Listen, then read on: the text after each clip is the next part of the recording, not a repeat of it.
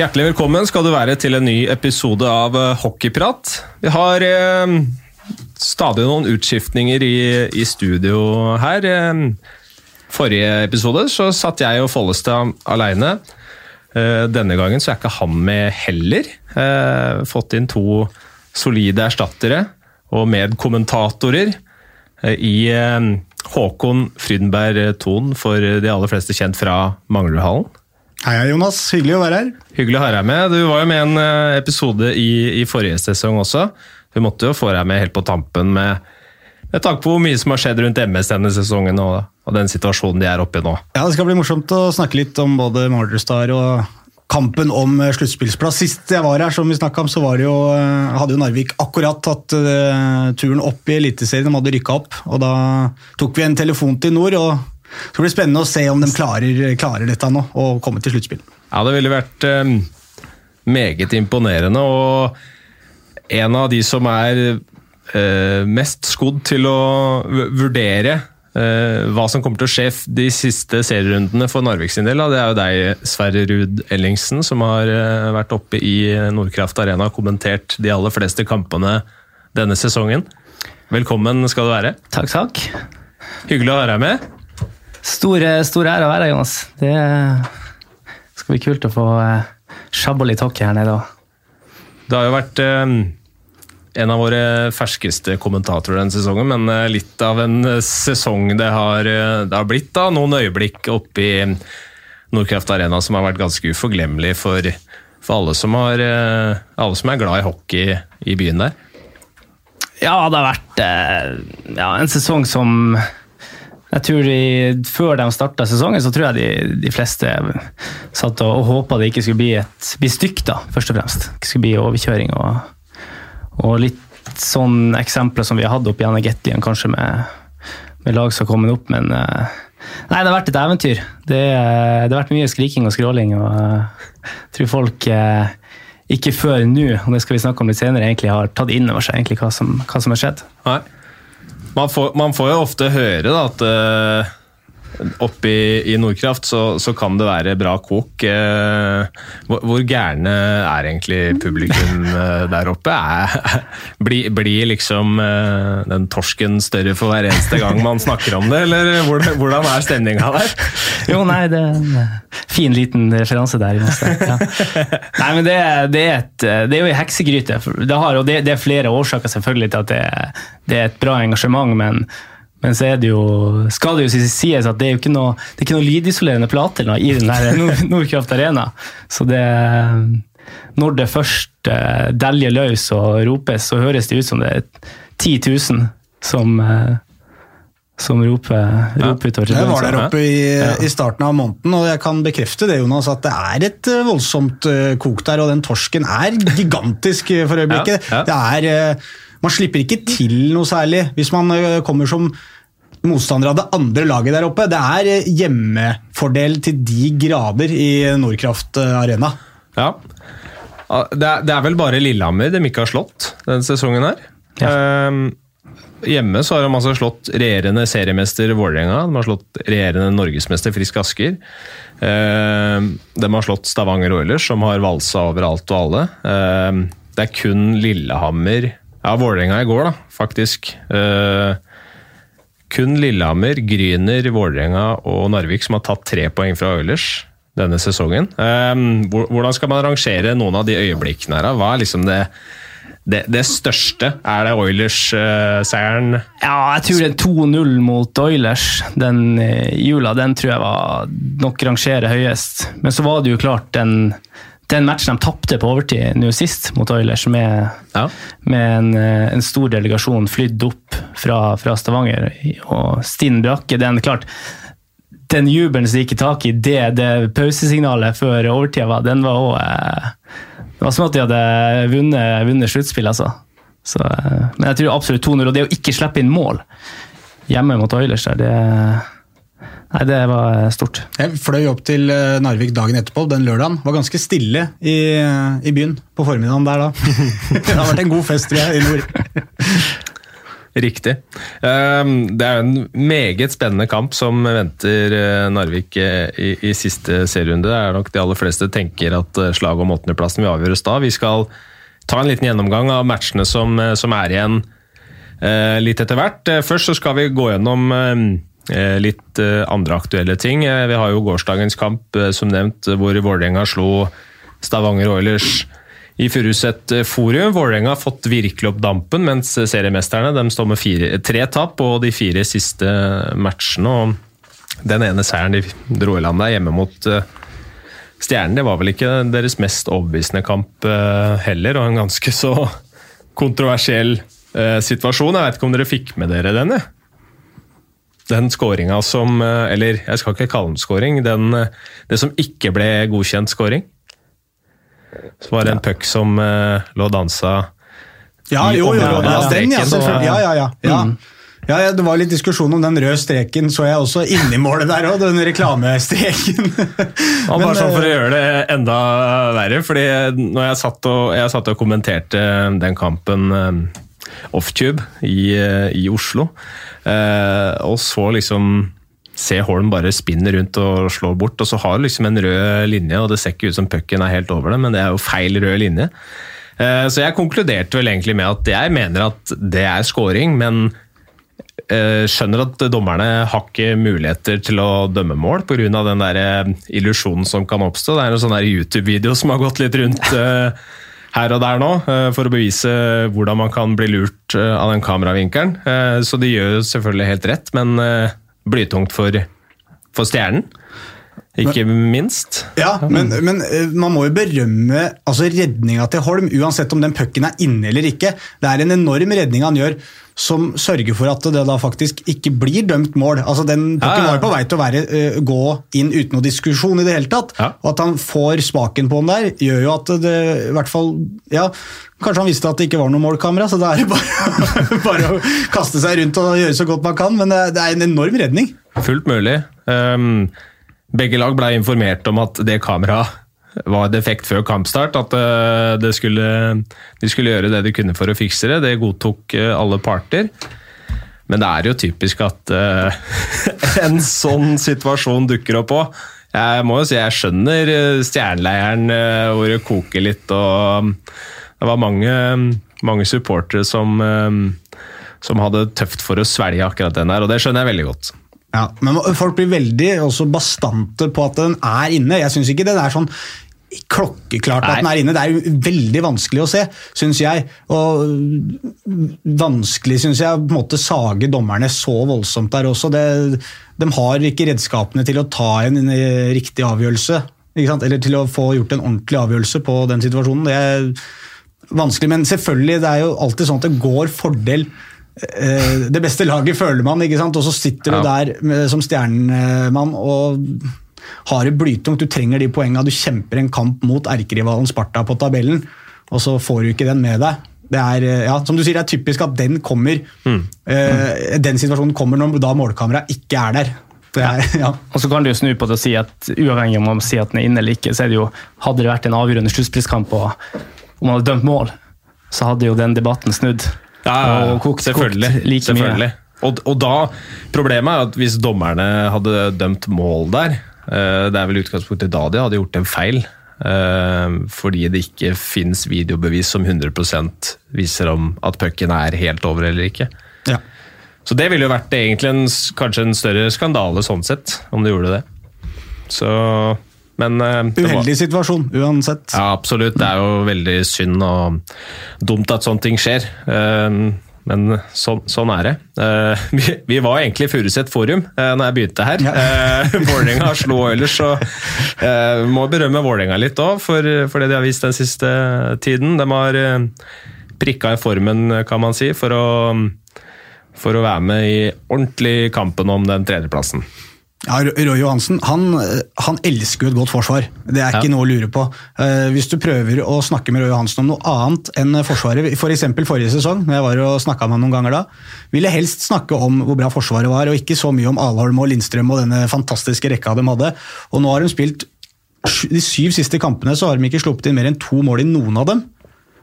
og så virker det som at de begynner å få stabilisert seg bakover der. Søberg ser bedre og bedre ut. Det nærmer seg sluttspill. Vålinga mm. kommer, altså. Ja, Så ser de jo det at de har fått inn eh, Karterud, blant annet. Du ser det en annen brodd offensivt òg. Fått tilbake gutta Røymark og, og litt mer, så Og Mats Trygg. Mats Trygg, gamle far sjøl, så det, det, ser bra ut. Holm var involvert i en liten situasjon der òg, i, ja, i går, gårsdagens match. Og, Oppøyen. Riktig det, så det det, skjer, det skjer ting hele tiden.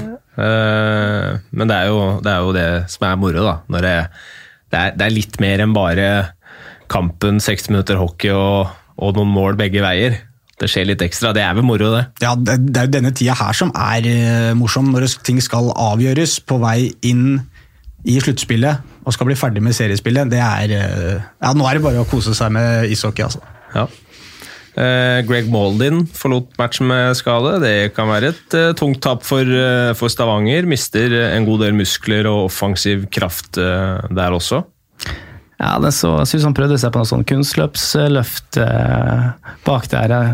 Kanskje ikke helt noe en 37-åring skal prøve seg på, men Nei, det er med målet ute òg, så får vi Klart det er mye kvalitet i Oilers for det, men det, de merker også når de mister de toppspillerne inn i sluttspillet. Definitivt. Absolutt.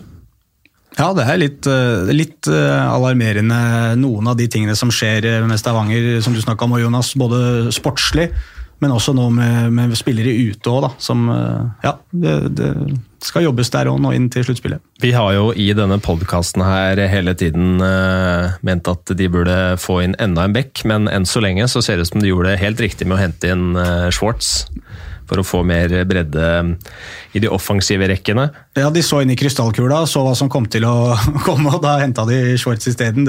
Ja, nå ser jo det ja. riktig ut, men det har jo vært gode argumenter for det motsatte, som dere har kommet med her tidligere. Men eh, ja, uansett, da. Det, det Oilers-laget er jo Altså, de har, de har takla skadene bra. Uh, målet ute er jo selvfølgelig det ville alle lag i ligaen kjent uh, mye. I hvert fall altså Den formen han var i hele veien. Helt ekstrem, umulig å hamle opp med. Det blir veldig spennende på å, å se på hva, hva, han kan bidra med når han først er tilbake. Jeg er ikke helt, har ikke det helt klart for meg akkurat når han er tilbake, men begynner vel å nærme seg et comeback. Har kasta krykkene. Anders Wergeland han har spurt oss tror vi at han klarer å holde samme nivå når han er eh, fit for fight? Eh, samme nivå. når han, eh, Det er jo selvfølgelig vanskelig å si opprettholde den poengproduksjonen, men det som taler for en spiller som, som målet tenker på, de type artistene eller ja, servitørene og, og mer tekniske spillerne, det er jo at han, han mister nok ikke radaren sin av å, av å ikke være ute og, og, kjøre fysisk trening i samme grad. Sammenlignet med en annen spiller i, som spiller på litt andre strenger. Ja. Så, ja, og så har han jo nå Hvis han begynner å nærme seg å komme tilbake nå, så vil han jo sannsynligvis få en grei eh, start inn i kvartfinalen nå. Da. Altså, det blir sannsynligvis da Mardrustad eller Narvik. Da. Altså, jeg tror de bør gå for det laget som blir nummer åtte, Stavanger. Og Det skal være grei skuring for dem. Han kan, eh, hvis han er klar til de kampene der da allerede, så får han i hvert fall noen matcher der til å kjøre seg litt inn.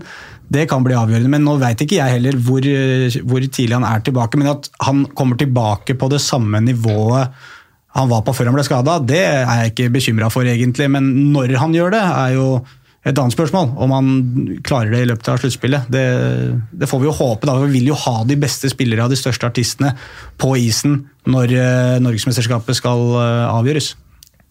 Jeg er veldig enig med det du sier, Sverre, om at Uh, misforstå meg rett, et beinbrudd er aldri noe man uh, har lyst på, men uh, en spiller som, som måler på spiller som spiller på den måten han gjør, så er det vel de øynene han har i nakken som kanskje hadde vært verst om han hadde fått, fått seg en, en rift i. Det er jo helt ja. håpløst å, å håndtere på det her noen ganger. Ja, det var morsomt å se han før, før skaden. Altså, det, det, var som å se en flyradar som bare prikka rundt og, og, og pucka som, som, fløy og landa på køllebladet fra umulige vinkler. Så er morsomt å, først og fremst å få se han tilbake igjen. Uh, vi kan gå litt videre. Uh, kom vel, ble vel kjent i går. Alexander Bondsaksen, ny toårskontrakt i Finland.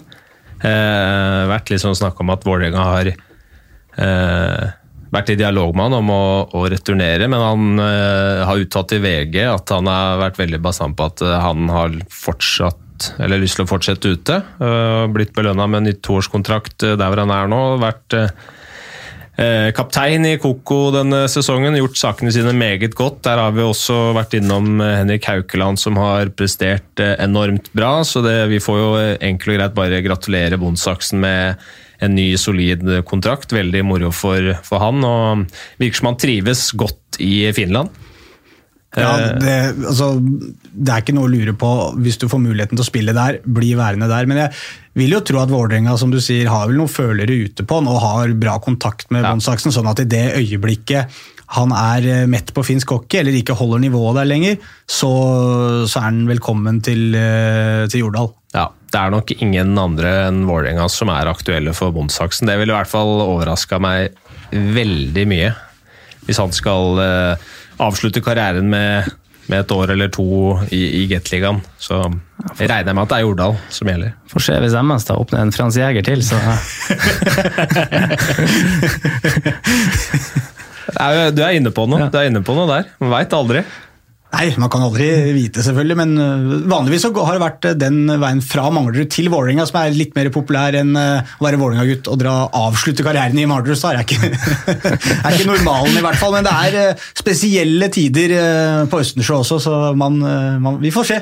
Ting, ting, snur fort, da. Um, det har vært skriverier om at nordamerikanerne der åpner for, eller altså absolutt er åpne for å bli værende i Norge dersom ting løser seg sånn. Vi har jo snakka mye om MS i podkasten denne sesongen også. Eh, det er ikke helt det er ikke så enkelt å skjønne helt hva som skjer. Hvem som er med og bidrar, hvem som trekker i trådene, hvem som holder dialogen hit og dit i, klubben der.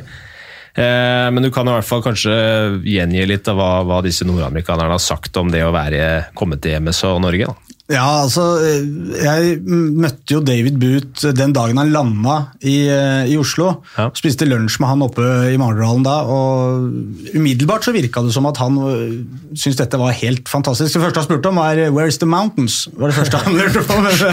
så han hadde ikke noen planer om å være nødvendigvis i Oslo hele tida, tror jeg. Han har jo vært både i Thailand og Portugal, og han har farta mye rundt den tida han har vært der også, men Høres ut som en spiller for Narvik, egentlig. Ja, og snakka om Narvik også, om når de var var der oppe nå, han og Craig Puffer og Corey Elkins, alle tre dro ut for å se på, på nordlys. og men han virker som han virkelig trives oppe, her oppe i Norge, og han syns Oslo er eh, flott. og Treningstidene sier han er litt merkelig, selvfølgelig. Han trener kvart over fem på ettermiddagen, det er han ikke vant til. Men, eh, men som han sier, han får brukt mye tid på dagen til å trene sjøl på egen hånd. og Korte reiseavstander. Han eh, spilte i KL forrige sesong, der er det litt større avstander.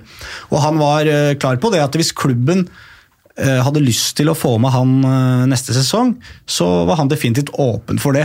Men det var litt Det kom litt an på da også hva kona tenkte, ja. og kanskje også litt hva ambisjonene til MS er neste sesong. Jeg tror han, eh, og klubben også, tror jeg hvis de satser litt neste sesong, får med seg David Booth, får med seg Corey Elkins, tar en sesong til, lover dem at vi skal prøve å få stabla på plass et ordentlig godt lag, så ser vi hvor langt vi kan nå neste sesong. Og det, det, er klart, At Elkins blir også, er viktig for David Boot. Eh, tror jeg, For de to er jo kamerater. Det var jo Elkins som fikk Boot eh, til mm. Manglerud Star, mer eller mindre. Han slo på tråden og sa at her er det ålreit. For en spiller Elkins er også, det må jo nevnes. Det blir, det blir mye snakk om Boot pga. hockey-CV-en hans, men Elkins har gjort eh, en formidabel jobb i, i det laget, han også. Ja, ja han, altså, han kom jo inn med en pondus og autoritet på isen som ikke hadde sett på et Manglerudstad-lag på mange sesonger. Bare det at han entra isen, gjorde noe med selvtilliten til de andre gutta på laget. God i duellspillet, trygg, sikker, fant fine pasninger, kan skåre mål. Altså, øh, han, han, gjør så mye bra detalj, på detaljnivå som gjør han viktig for det laget. Og Du har jo sagt det hele tida, Sverre. Du har jo vært, uh, du sender meg jo melding stort sett til hver kamp han spiller og sier 'herregud, så god Corey Elkins er'. jo, men, men, det mener jeg jo at han har vært. Uh, det har kanskje vært Det blir jo naturlig sånn når du får uh, ja, eks-NHL-stjerne, boost, da, for å kalle han det. Men men det har vært litt sånn underformidla Elkins sin, sin, påvirkning i MSO. For, for, det å se han bare bestemme seg og dundre inn over offensiv blå som vi om tidligere, Det ser ikke ut heller så det går så fort, men uh, det er som ei ferge som kommer der og bare bryter seg innover. Og, og helt enorm i dropp. Uh, som ja. du har snakka om, vet litt til Håkon tidligere om at hele laget har, har løfta seg på, i droppsituasjonen etter han kom inn. Ja, MS har jo i mange sesonger vært det dårligste laget i, i dropp, rett og slett. Og uh, han kom inn og hadde rett og slett dropptrening med, med Joakim Engebråten Hermansen og flere av gutta på MS for å få opp dropprosenten, og det har, det har hjulpet også. men uh, det er jo lett å bli overskygga av en fyr som David Booth, som vel skåra 15 mål på 18 eller 19 matcher nå. Altså, mål teller fortsatt eh, mest, men det er helt riktig at man må ikke glemme Corey Elkins betydning på dette laget. Også Craig Puffer, som er denne tredje offensive amerikaneren som har kommet inn. Mm. Mm. Nå er det jo, jeg husker David Booth, det var snakk om han kom blant annet for å gå på ski.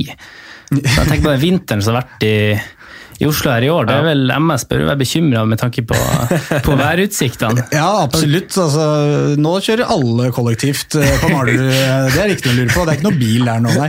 Men uh, han, uh, selv om det er snømangel, så tror jeg ikke det er pengemangel hos Butt, så han klarer nok å få flytta på seg til et sted der det er snø, og få testa litt, litt vinter. For vi har vinter fortsatt i dette landet, men ikke i Oslo. Det er jo mulig å gjøre gode, gode kupp på ski om dagen òg.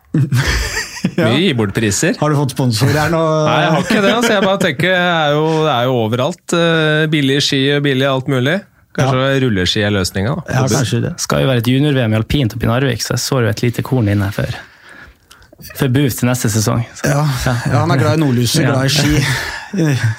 Arctic Eagles de har uh, muligheten til å selge inn hele opplevelsen her nå. Det er mer enn en hockeyklubb. Absolutt. Det er, uh, det er rett og slett en, uh, en bucketlist-fabrikk. Er ikke verst, det.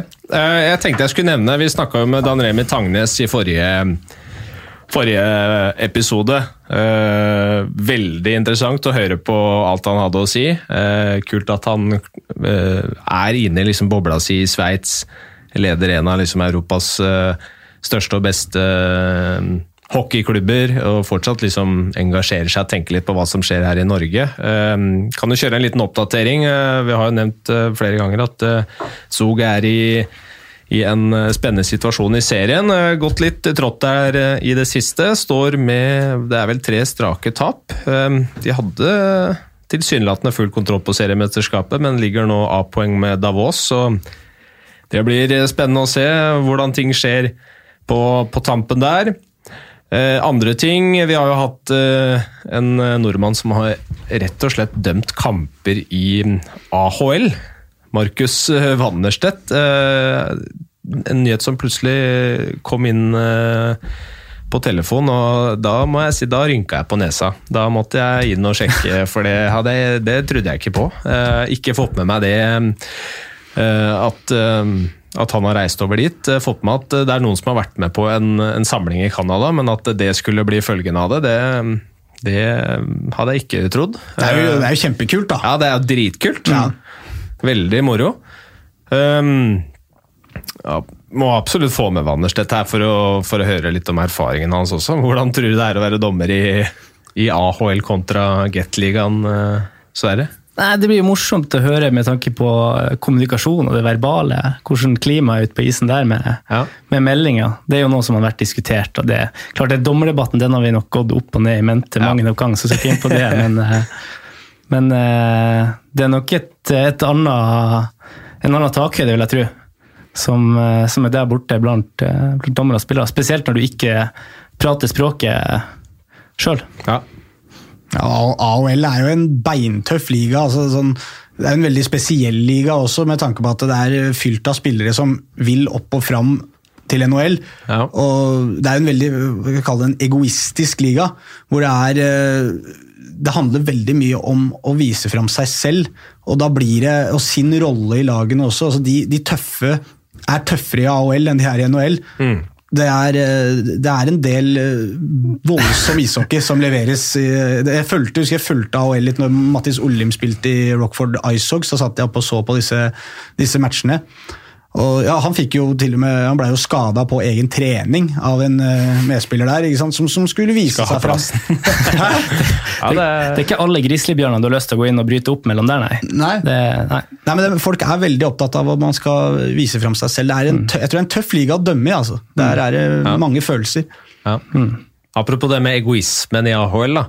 Uh, uten sammenligning for øvrig med AHL og Gateliga, men for mange er jo Gateliga noe som man ønsker å bruke som et springbrett videre også. Det kan jo gjerne bli litt av det samme her også, at noen prøver kanskje å ta litt for stor plass i laget. Det er jo flere eksempler på spillere som, uh, som man uh, vel heller har nesten vært glad for å bli kvitt, fordi de har blitt rett og slett for opphengt i at uh, de skal veldig gjerne ha den andre assisten, selv om den sitter på benken når målet blir skåret.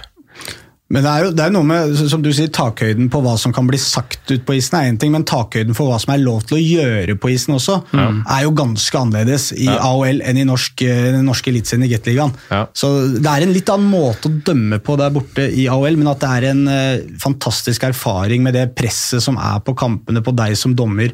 Det er Kjempefint at han uh, får muligheten til å prøve seg der borte. Hmm. Siden vi er inne på dommere, kan vi nevne Alexander eh, Nå er jeg på tynn is her. Valdejer, prøver jeg. Eh, linjedommer. Er vel Stavanger-mann opprinnelig. Eh, dømt SHL og SM-sluttspill, tror jeg. Oppnevnt til hockey-VM, så da, da, vet dere også det. Jeg har også sett i dag at NFF har plutselig åpna for regulert alkoholsalg på tribunene i Eliteserien i Norge. Da er vi jo bare nødt til å spille ballen over til Hockeyforbundet, da, eller? Ja, det syns jeg jo. Det, jeg, jeg, det, som vi snakka om her litt før vi gikk på også, at det, det, å skulle servere alkohol på et idrettsarrangement, det har jo plusser og minuser. Men jeg tror ganske mange er enige om at uh, i bunn og grunn at uh, hvorfor ikke? Altså, det er uh, topphockey, toppidrett, uh, som du vel sa, Jonas, er underholdning. Ja. Uh, da må det være muligheter for å kunne ta seg et glass også for de som ønsker det. Og det, det blir jo under regulerte former, dette her. Ja. Mm. Jeg, jeg vil jo altså Man ser jo mange har sterke meninger om dette her. jeg må innrømme at en stor eh, andel av de folk jeg vet om som generelt ofte går på kamper, i, om det er fotball eller ishockey, de er for. Eh, det er, det er, ikke alle jeg ser som er veldig sterkt imot dette med, dette med, idrett og alkohol, at det ikke hører sammen. At uh, de er veldig uh, Altså like store gjengangere på elitenivå, da. Mm som er på tribunene. Det, det, er jeg veldig usikker på. Man, altså det er, jo, er det noe man, skal, noe man skal høre på for å klare å bygge produktet sitt, så er det publikummet man har. Enkelt og greit. For man vil jo aldri kunne omfavne alle. Nei, og så er det nok, altså En ting er selvfølgelig idretten, men det er jo det med, med barn inne i bildet her som er kanskje like relevant. Det som vi var litt inne på, på før vi gikk på her, at, at går du på Nationaltheatret eller en hvilken som helst annen forestilling eller kulturtilbud, så er det veldig ofte det er helt vanlig, og det er alkoholservering. Ja. Men klart, der er det kanskje også et, et litt annet publikum som går, men uh, Det er sant. Ja, og det er jo en, Man kan vel nesten sende ut en oppfordring hvis dette her skulle bli realiteten også både i fotball og ishockey, at uh, det ligger et ansvar på de som skal på match også. Altså, Drikk med måte hvis du skal ha deg en øl i forbindelse med en kamp. Altså, det er før Det er snakk om én øl kanskje da før kampen og én i hver pause. Det er tre øl. Det, det, er, det blir ikke skandaler av sånt. Men... Nei, vi veit jo altså, vi, Når kranene først åpnes, så er det jo gitt at et eller annet sted kommer det til å gå regelrett til helvete et par ganger. Ja, du ler, eh, Sverre. Tenker du på Nord-Norge? nei, nei, nei, Jonas. Det var først torsken på, på Jonas' innledning og sånn nordnorsk drikkekultur. Sånn,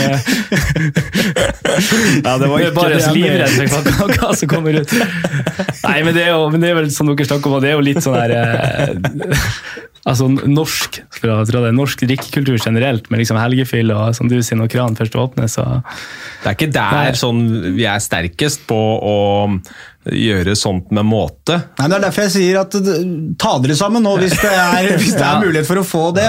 Så ikke ødelegg det på første kampdag. Ja, Skal vi hoppe videre fra ja, ja. politisk kvarter her, og så vi tråkker på noen mine.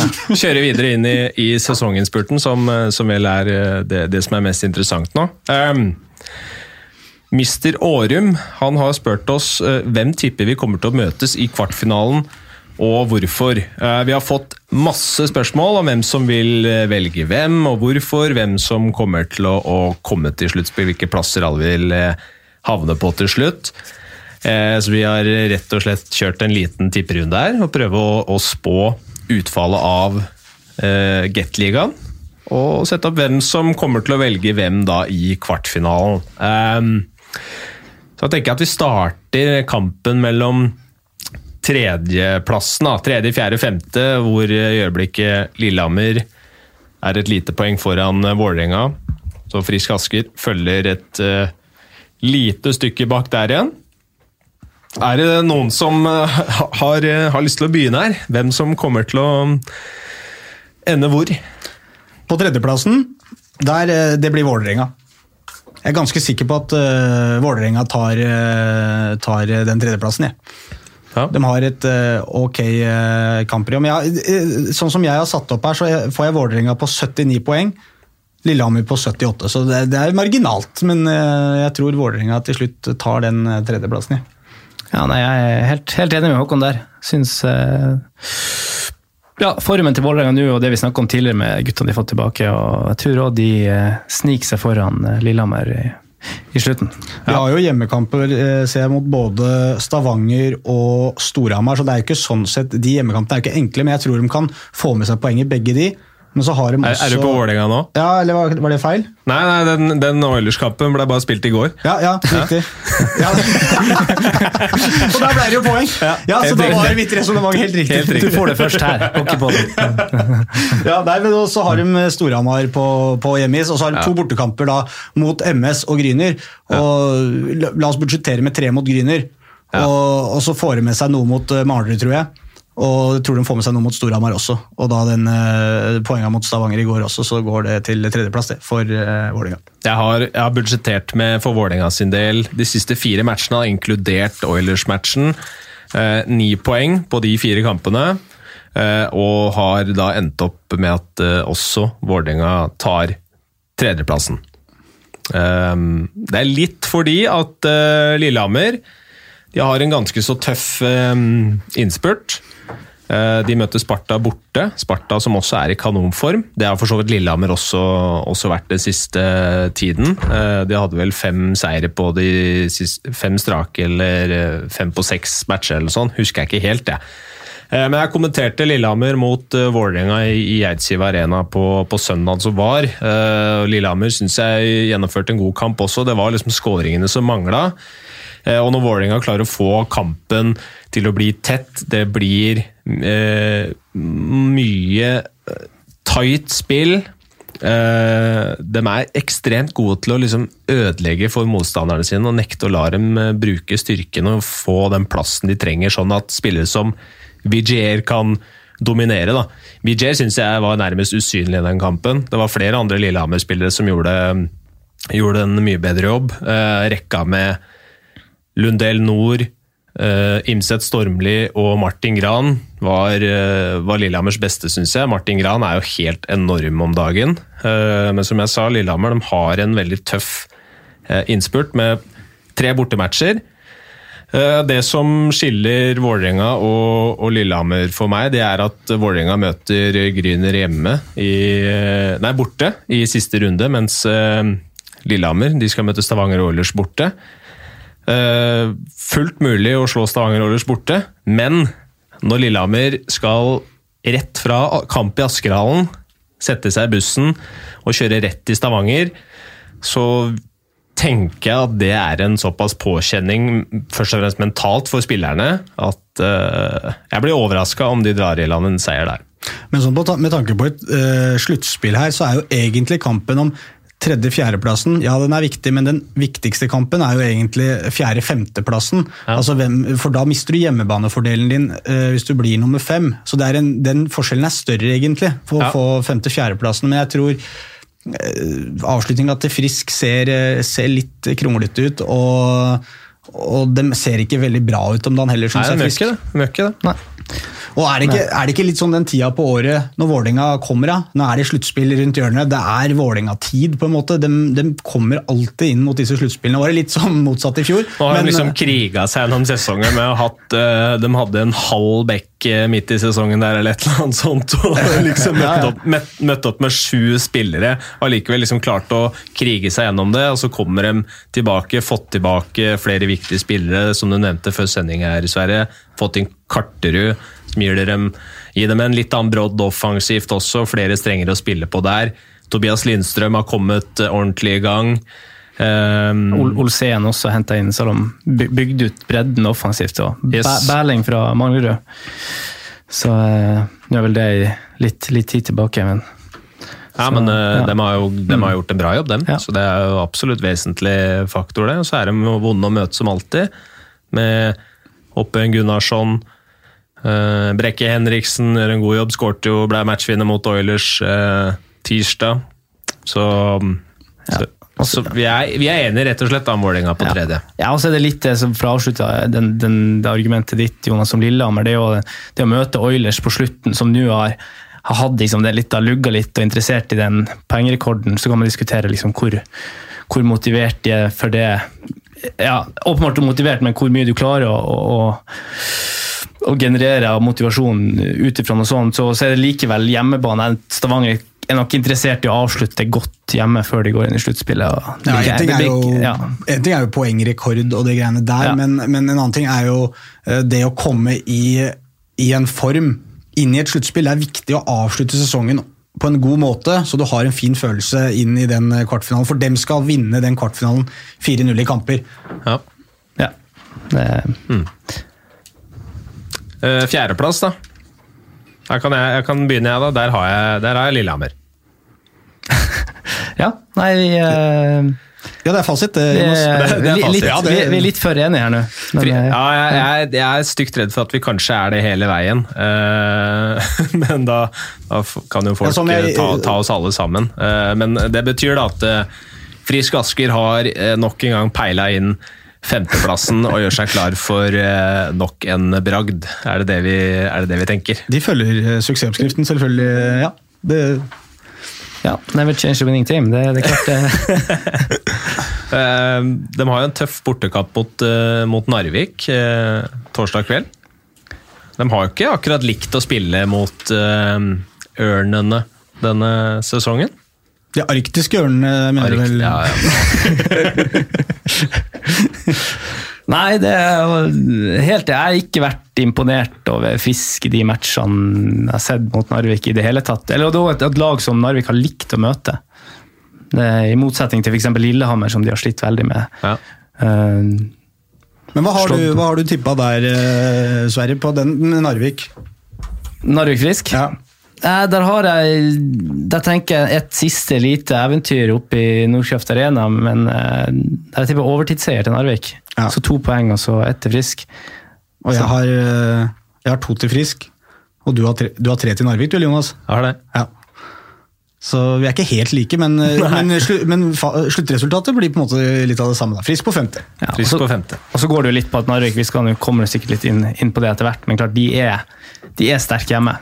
Eh, det har vært mye liksom, Man har sagt at det har vært liksom, ja, bombe og, og det er overraskende resultater. Det begrenser hvor lenge du kan si det, for nå har det liksom prestert. Det er vel 35 poeng de har plukka på hjemmebane, tror jeg. Ja. Det, som, det, som, imponerer meg mest med Narvik, er den måten de klarer å hente opp ledelse på og snu kamper. Uh, igjen mot Sparta, så plutselig ble så Sparta leda var det 6-2. Ja. Plutselig var det spenning der òg. Mm. Uh, så det de, de, gir seg liksom aldri. Nei, det, det er som en kakerlakk, det der. Altså, de, de, prøver å tråkke dem unna. De klarer ikke å ta livet av dem. Ja. ja. Skal vi hoppe videre til um, sjetteplassen, da? Der er jo en um, meget interessant uh, batalje i, i, Østfold. Det er, det er Sparta og Stjernen det, det, står om. Sparta hadde lenge et godt forsprang. Så kom Stjernen voldsomt. Plutselig så satt vi her og begynte å snakke om, om topp fire. Enkelt og greit. Det er, mulig for, for Stjernen. For det, med det tempoet de hadde, og hvordan de lagene foran presterte, så så det ut som det var en reell mulighet. Det er dem i øyeblikket ganske langt unna. Eh, Sparta har klart å komme seg forbi eh, med den seieren i Nordkraft Arena. 7-5 endte vel den, eh, det målkalaset der. Stjernen, dårlig form en, en stund nå. Hva tenker, tenker vi om hvordan det går der, de siste matchene? Ja, her har jeg, jeg har jo sittet Stjernen foran Sparta, da.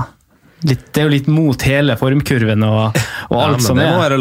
Men uh, det er også for å røske litt opp i, få litt, gjøre litt forandring her. Uh, men kanskje også et stjern som, selv om de har da lugga det tappene, så har det vært tøyte matcher de siste matchene de har spilt. Det har vært ettmålstap, stort sett, hvis jeg husker helt riktig, siste tre. Uh, ja. Det er mye mulig. Ja, og så, er det den, så har jo Stjernen et, et, den importene og topprekkene til Stjernen. Toppnivået deres er nok høyere enn det, det Sparta sitt er, hvis de først får ja. får i gang hjulene. Ja. Så får vi se om det er tidsnok. Sesongen har jo vist veldig det vi liksom satt og snakka om i, i, tabelltipset her, når vi skulle prøve å rangere Sparta og Stjernen, om at uh, Stjernen, de importene de har, de, de har jo et skyhøyt nivå, enkelt og greit. Uh, har fått uh, fra ganske sentrale kilder inne i Stjernen også at, at de Champini, Christopher og, O'Brien er aktuelle for ganske store ligaer i Europa. O'Brien så er det faktisk KHL-klubber som har vist interesse. SHL-klubber og liga også fra, fra Finland. Tyskland og Finland er vel de som er kanskje mest på hugget etter de to andre der også, så det blir veldig interessant å se hva som skjer der. Det eh, vil være et tungetap for, for Stjernen, som selvfølgelig ønsker å beholde dem.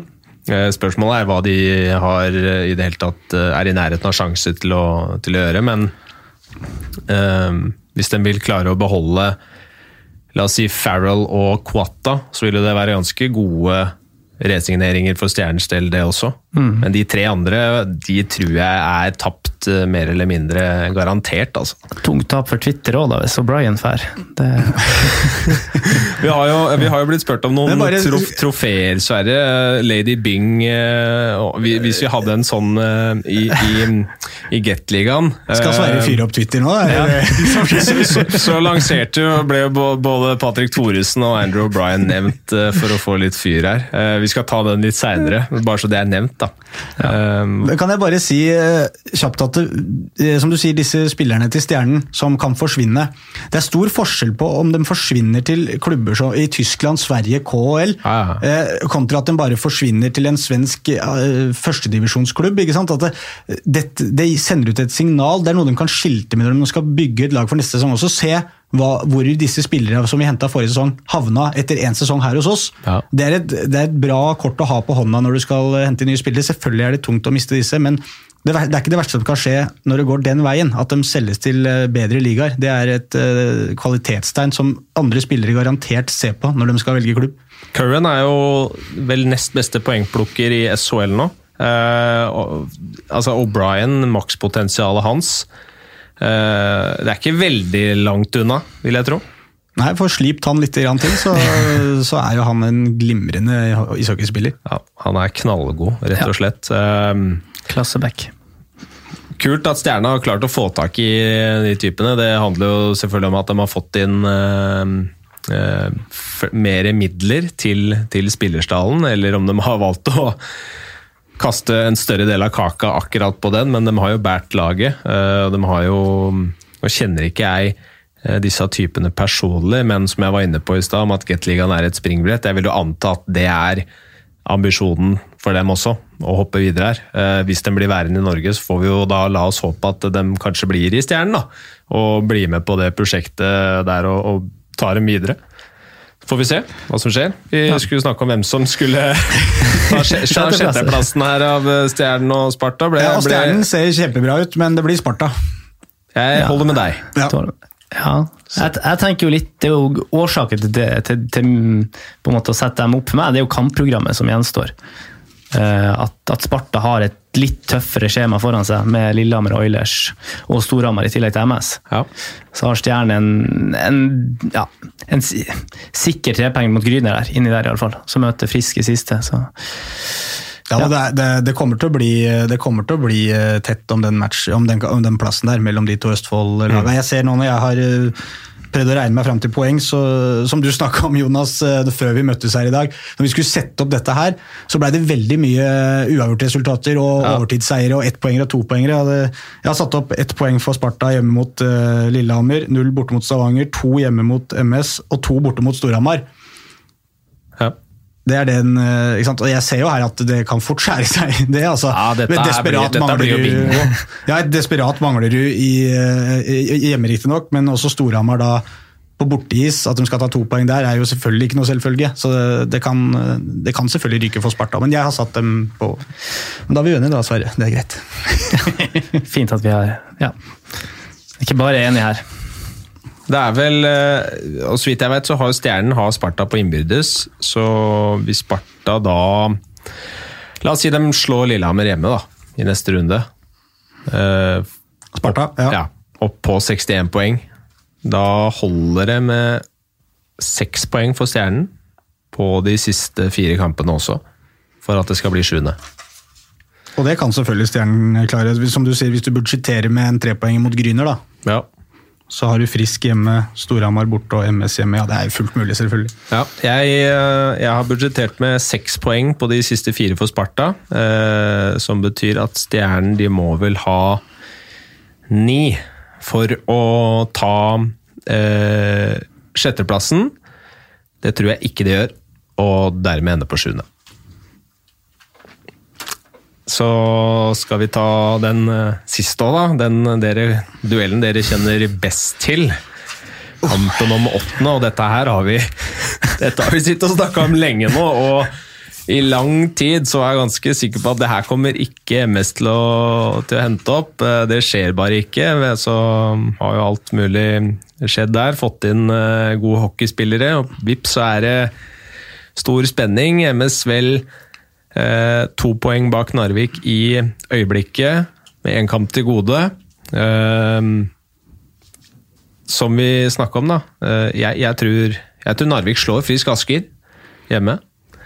Og dermed så må også MS ha eh, fem poeng da, på de siste, de siste fire kampene. For å få til det. Jeg tror den siste der Eller skal vi spørre dere, da. Eh, hvordan har dere vurdert dette her?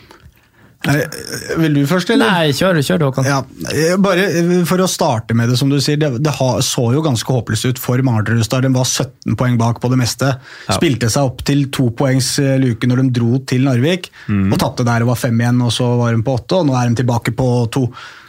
Og det er jeg har jo satt opp da skulle, Det er den eneste kampen jeg har satt blank, er den siste kampen Manglerudstad-Narvik det er helt komplett umulig for meg å skulle mene noe om det å ha noen gode grunner for at MS slår Narvik, eller at Narvik slår MS i den kampen der. For det, det kommer til å være dagsform, stemning i troppen, i laget, i hallen. Eh, hvor mange kommer det fra Narvik for å heie? Det kan komme en god del. Det kan bli fullt i Mardalen, rett og slett. Det blir, det blir de to lagas uh, finale, egentlig. Det er, det er, dette som er høydepunktet i sesongen på mange vis. For de skal inn i beintøff kvartfinale, det laget som kommer eh, ut av dette på riktig side.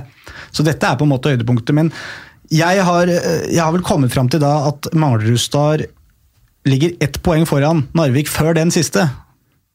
Noe mer enn det tør jeg ikke å si. Tør du noe mer, eh, Sverre? Ja, nå blir jeg vel lynsja opp i nord her, men jeg tror òg MS nå husker ikke om du avslørte noe her, Jonas. eller om... Eh, men jeg, jeg, tror, eh, jeg tror, MS kaprer siste, plass, ja. Åttende. Men Tror du de gjør det før den siste kampen? Altså Er de sikre tror du, før den siste kampen, eller blir den siste avgjørende? Nei, Jeg tror den siste blir avgjørende. Ja. ja. Uh, og så for å på en måte koke det, prøve å se på det litt sånn ja, kynisk Den siste matchen er jeg helt enig med deg at det er, det er en finalematch der hva som helst kan skje. Det er så mye annet som spiller inn, men, men skal man liksom tenke på, på faktorer Bortebane for Narvik har vært enormt stor forskjell på det Narvik-laget borte og hjemme. Spesielt ser du på poengfangsten. Det er vel ti poeng de står med på bortebane til nå i år. Uh, liten bane tradisjonelt sett Narvik har ikke trivdes på, på liten, liten, bane. Uh, ja. Og så har jo MS en annen nå De siste par matchene har jo vært litt sånn urovekkende for, for, Narvik, med tanke på at de største stjernene, kanskje Hurley og, og, Murphy, kanskje Murphy spesielt, har sett litt bleik ut. Ja. Uh, ja. Så uh, jeg har budsjettert med to poeng mot Frisk nå, og så tror jeg dessverre Narvik eh, taper både i Stavanger og i, i Manglerhallen. Det vil jo være en helt vanvittig avslutning på sesongen hvis det skjer. da. Ja. Manglerstad har ligget på nedrykkskvalik i samtlige runder. Og Narvik har egentlig sett ut til å kunne klare det sluttspillet, og så ryker det i aller siste serierunde. Ja.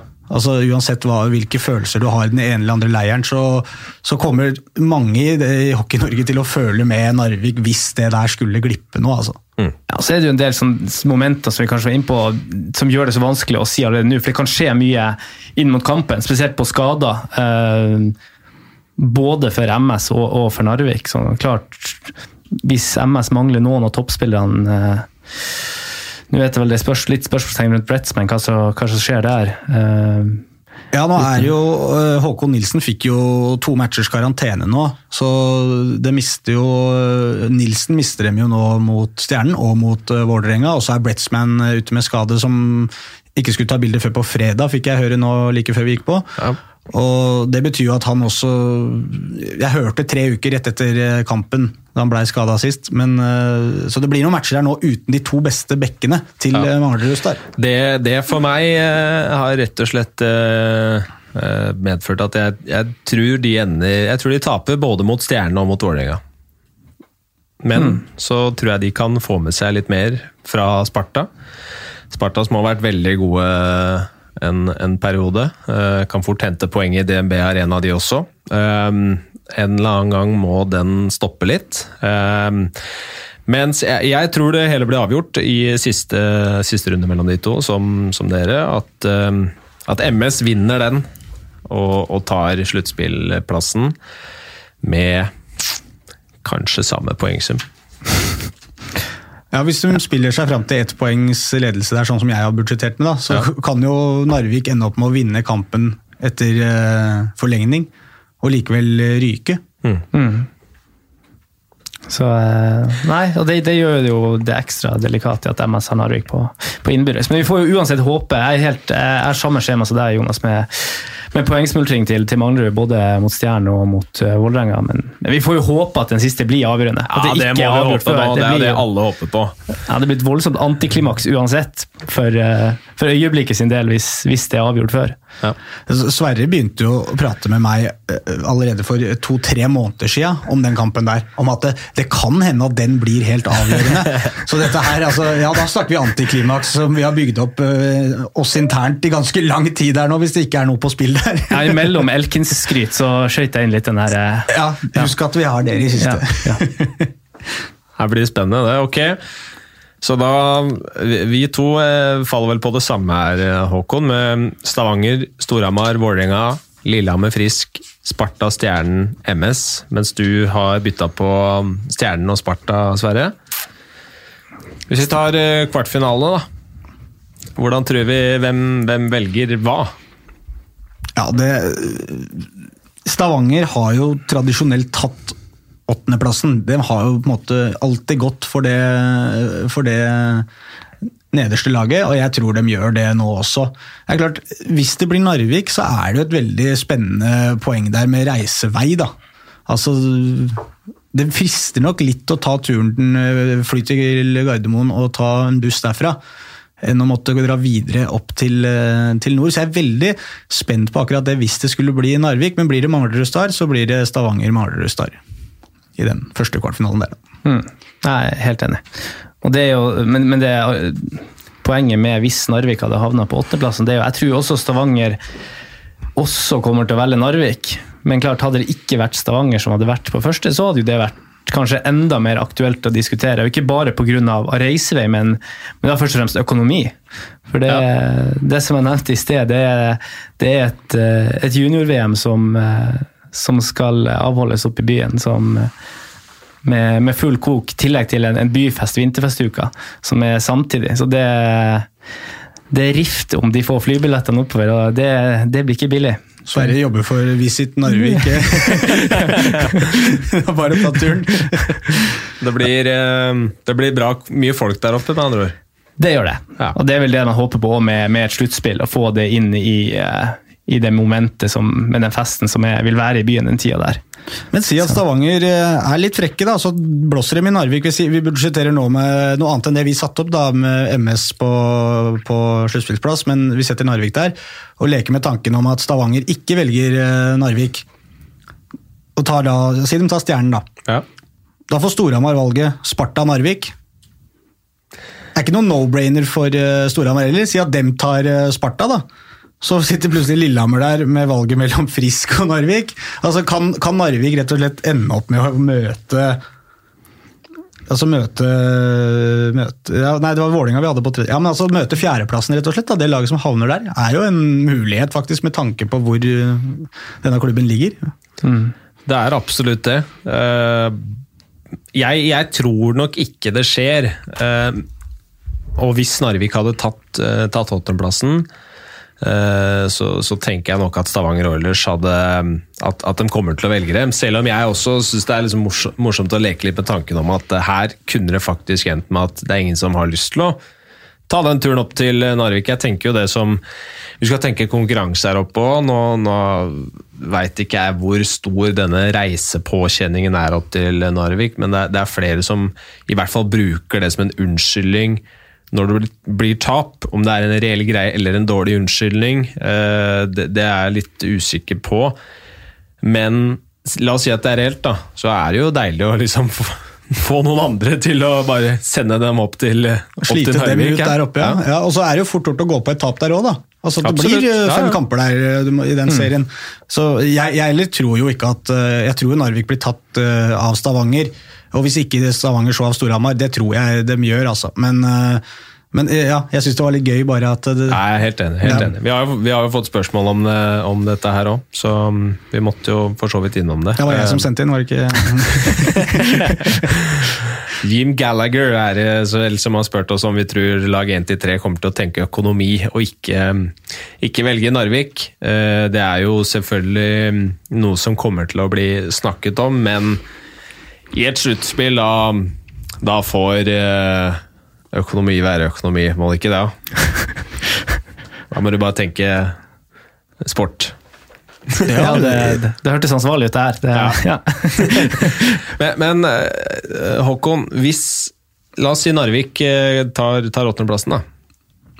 Hva, hva, kan man si om, om, om, MS sin sesong, da? De pengene som er blitt spytta inn der på denne, den satsinga her og så ryker det.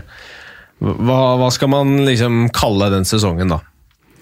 Nei, det, det, er litt vanskelig fordi at sesongen starta med minus tre poeng. Den starta svakt der, den starta, starta svakt sportslig. Det var mange, mange, dårlige kamper, mange dårlige prestasjoner. Og så har det på en måte, ja, disse nye amerikanerne har tilført såpass mye at det har blitt gøy å dra og se på Manglerud igjen. Har økt snittet i hallen noe voldsomt. Nå ligger de på 700 pluss i, eh, i snitt de siste måneden. Og det, er, det har skjedd noe der.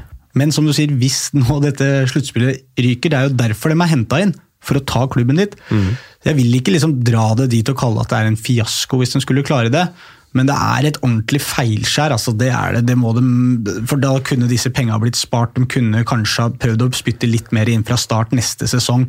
Det, det, er i hvert fall sånne tanker som melder seg litt hos meg, da, hvis, hvis det skulle ryke. Men, eh, men jeg føler allikevel at de har skapt en optimisme, en interesse på Manglerud nå, som er veldig bra for klubben inn mot neste sesong, uansett hvor det ender. Har spørsmålet hvordan MS klarer å forvalte eh, det. da. Er de rigga for å liksom bygge noe videre på det? Fordi med eh, alle de signeringene, og så er det jo til og med den siste keeperen, Wenniger, er det det Ja, han heter? Ja. Uh, Henta inn, for Moran er vel spilleklar? Moran er spilleklar, ja. Han, eh, jeg jeg snakka jo med Lysenstøn, som han er jo inn som, eh, ble henta inn som keepertrener her nå. Det for øvrig mener jeg er jo et kjempebra signering det da for MS å få inn en keepertrener som André Lysenstøn. Ja. Men han sa jo det nå, for jeg spurte om det samme, og hvorfor, eh, hvorfor hente inn en ny keeper? Furseth har stått bra når Moran har vært skada. Moran er frisk, og han bekrefta Moran er frisk. Men det var noe med at det, det var litt tynt nedover. da, U21, U18-lagene til Malerstad, hvor du måtte ha inn en andrekeeper der hvis en ble skada og litt sånne ting. Som gjorde at han hadde, Da fikk de litt mer trygghet da, rett og slett inn etter sluttspillet. Men det er jo ikke noe MS pleier å gjøre, å ha, å ha så bred dekning. Men øh, det er Ja, for det er, det er jo ingen andre som gjør det. at uh, Hvis de har en, en god førstekeeper, skal du hente inn en importkeeper for å ha ham på tribunen. Det, det handler jo vel enkelt og greit om at MS har penga til det. Det er, det er jo ikke noe særlig annen logikk i den signeringa, å få inn han. Hvis for Moran han kom jo inn og gjorde en, en bra jobb, han. Ja, ja, men, ja nei, men du, selvfølgelig handler det om penger, men du henter ikke inn en keeper bare fordi du har penger til det.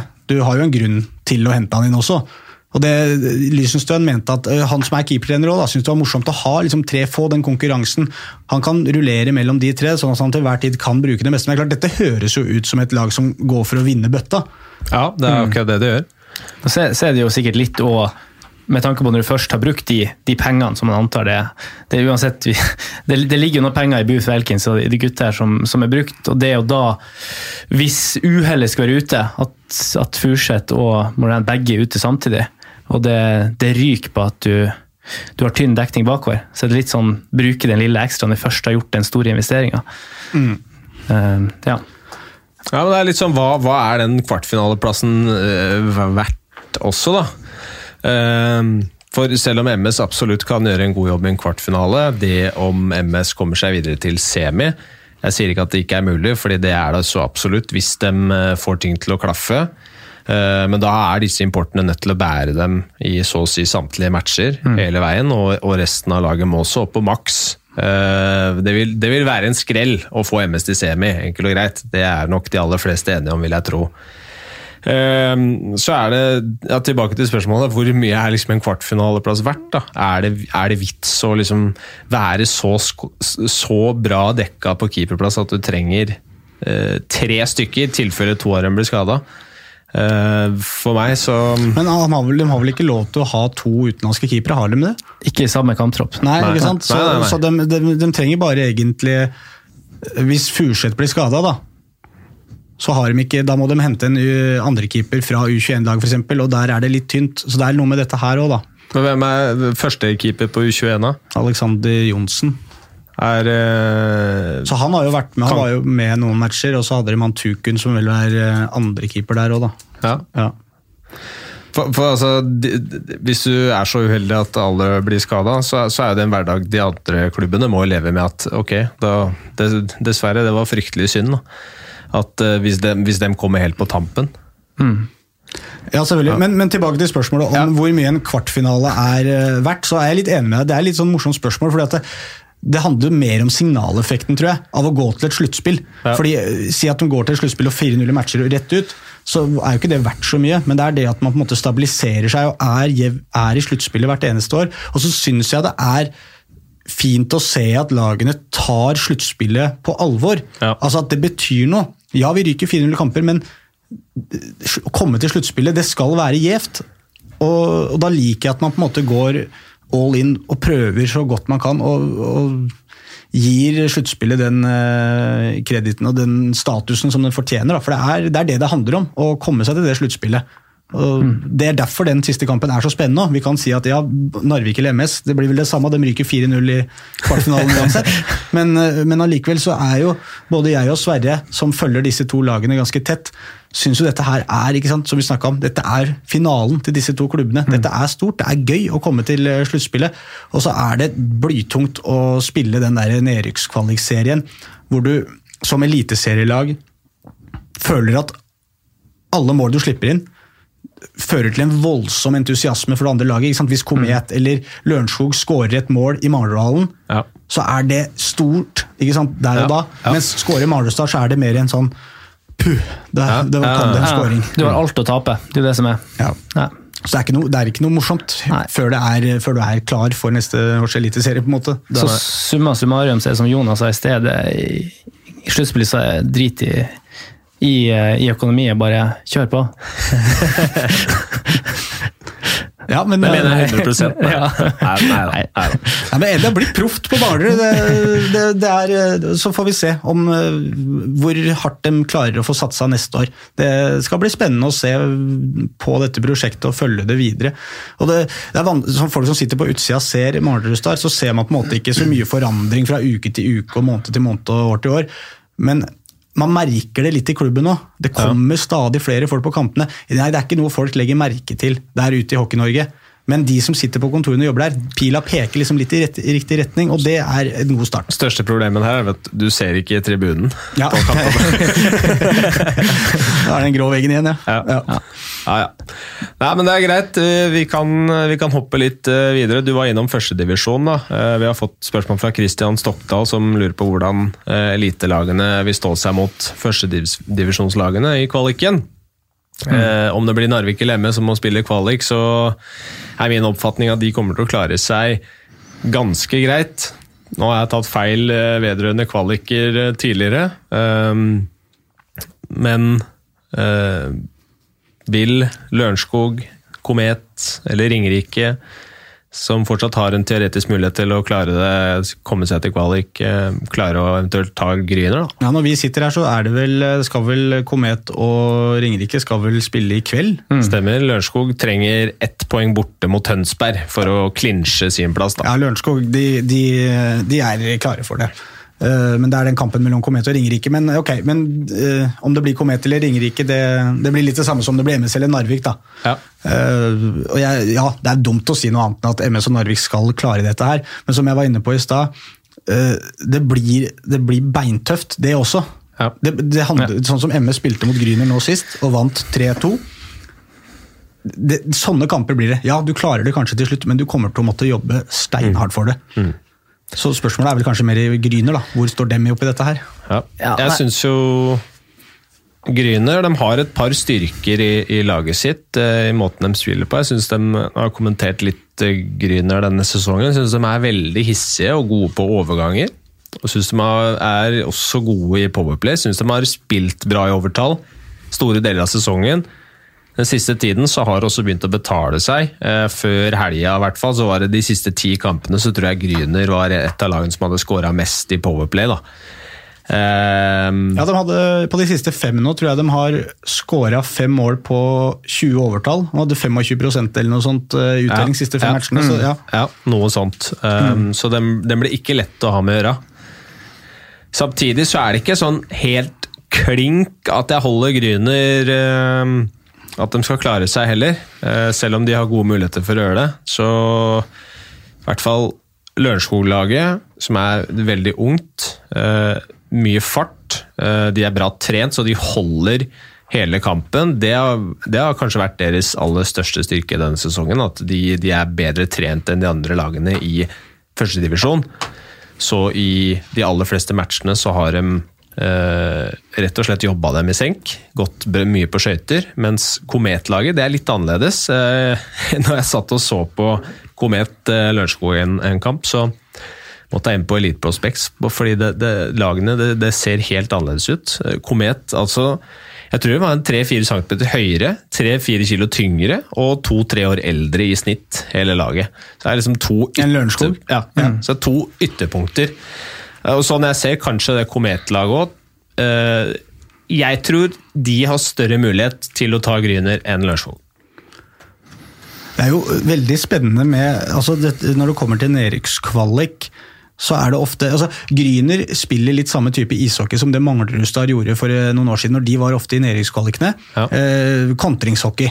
Eh, kjapt opp, angripe, masse, få av gårde skudd så fort du klarer, mm. og så mange du klarer mens du er der inne i sonen. Ja. Eh, hvordan ser disse kampene ut i en nedrykkskvalik? Hvordan vil Lørenskog, Komet, Ringerike gå ut mot Gryner.